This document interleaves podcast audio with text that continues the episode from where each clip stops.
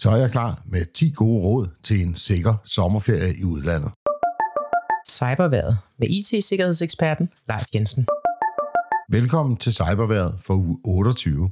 Mit navn er Leif Jensen, og jeg har arbejdet med IT-sikkerhed de sidste 30 år. Den viden og erfaring, som jeg har gjort mig, den vil jeg gerne bruge til at hjælpe dig med at få en mere tryg hverdag på internettet. Det kan være svært nok at holde de IT-kriminelle fra døren til hverdag og hjemme i de vante omgivelser. Så når vi er på ferie og har fokus på mange nye indtryk, så ryger paraderne desværre også en lille smule ned. Jeg har selv spist pizza i 27 forskellige lande, og på trods af, at jeg har arbejdet med IT-sikkerhed i 30 år, så har jeg altså fået stjålet mit kreditkort to gange og hacket min Gmail-konto en gang på grund af uopmærksomhed, og paraderne de var måske lidt nede. Det vil jeg gerne hjælpe dig med at undgå, så jeg har samlet 10 af mine bedste råd til en sikker sommerferie i udlandet her. Nummer 1. Anvend mobildata i stedet for wifi.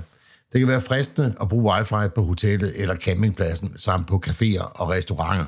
Og det kan være ganske fint til helt almindelig websurfing, men det er desværre også nemt for ejeren af den enkelte wifi eller andre brugere at få adgang til din enhed, når du er koblet på. Det er væsentligt mere sikkert at bruge mobildata. Det kan du enten gøre ved at dele wifi på din mobil, eller ved at medbringe et lille mobil wifi hotspot. Så kan du enten bruge et ekstra SIM-kort fra din danske mobiludbyder, eller købe et forudbetalt SIM-kort lokalt, der hvor du skal på ferie. Nummer 2. Hold dit kreditkort inden for syne. Det er ikke alle steder uden for Danmark, at man har fået mobile kortterminaler, og du kan godt risikere, at den venlige tjener på en restaurant beder om dit kreditkort og siger, at han kun lige skal bruge det ude bagved. Øh, det er han simpelthen nødt til, siger han. Det er en unødig risiko at løbe. Så hvis der ikke der er andre muligheder for betaling, så bør du i det mindste insistere på at gå med. Nummer 3. Brug kontanter i stedet for kreditkort. Du kan som regel sagtens betale sikkert med kort på de fleste større hoteller og restauranter samt i anerkendte butikker. Til andre steder end disse vil jeg anbefale at anvende kontanter i stedet for kreditkort. Men husk nu også at hæve kun kontanter i en officiel pengeautomat hos en bank. Dels betaler du et mindre gebyr for vekslingen, og dels er risikoen for at få kopieret dit kreditkort væsentligt lavere. Nummer 4. Pas godt på dit pas. Det kan være rigtig besværligt at miste sit pas, så pas nu rigtig godt på det. Mange hoteller de beder ofte om pas i forbindelse med indtjekning, og det er også helt fint som øh, identifikation.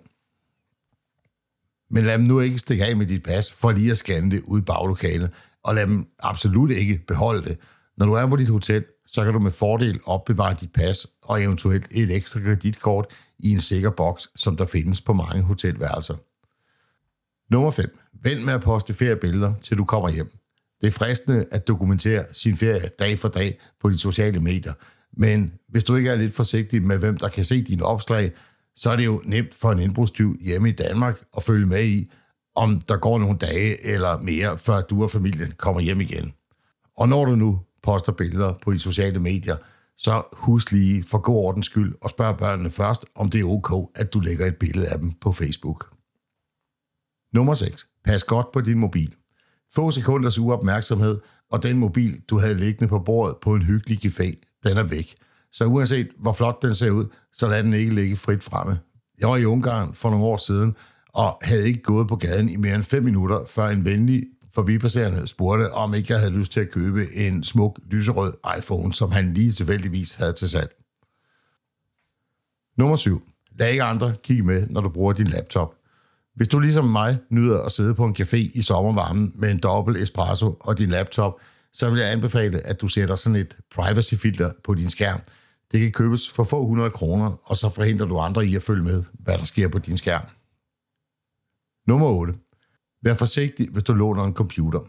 Hvis du har brug for at låne en computer på det lokale bibliotek eller i lufthavnen, og du bruger den til andet end helt almindelig websurfing, så sørg for at logge ud fra alle de services, du har brugt. Det er ikke nok bare at lukke vinduet. Du skal trykke på log ud, for at være sikker på, at den næste bruger ikke lige kan fortsætte på din konto. Nummer 9. Vær opmærksom på, hvilke app du installerer. Mange steder så kan man få brug for at installere apps, som for eksempel til den lokale taxiservice eller parkering. Hold nu tungen lige i munden, og lad være med at have for travlt. Der findes mange falske apps, og i sommerens hede, så kan man lettere komme til at vælge forkert.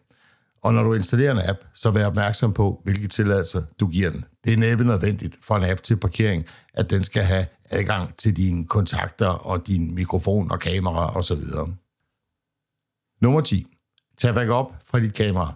Mange af os bruger mobilen som kamera, og den er ofte automatisk synkroniseret med en eller anden cloud service, hvor billederne de bliver uploadet. Men hvis du ligesom jeg bruger et godt gammeldags, rigtigt kamera, øh, ja, så gammelt er det altså heller ikke, så lav gerne en backup af billederne hver eneste dag, øh, som du har taget. Eventuelt ved at kopiere billederne med til din medbragte øh, laptop eller ud på en USB harddisk. Bonustip. Når du nu sidder om aftenen og summer over dagens mange indtryk, så brug den stille stund til lige at gennemgå, hvilke apps du har på din mobiltelefon, samt hvilke tilladelser du har. Er det eksempelvis nødvendigt at give TikTok adgang til at bruge dit kamera og mikrofon, hvis du aldrig selv uploader indhold? Det var cyberværet for denne gang. Vi høres ved i næste uge.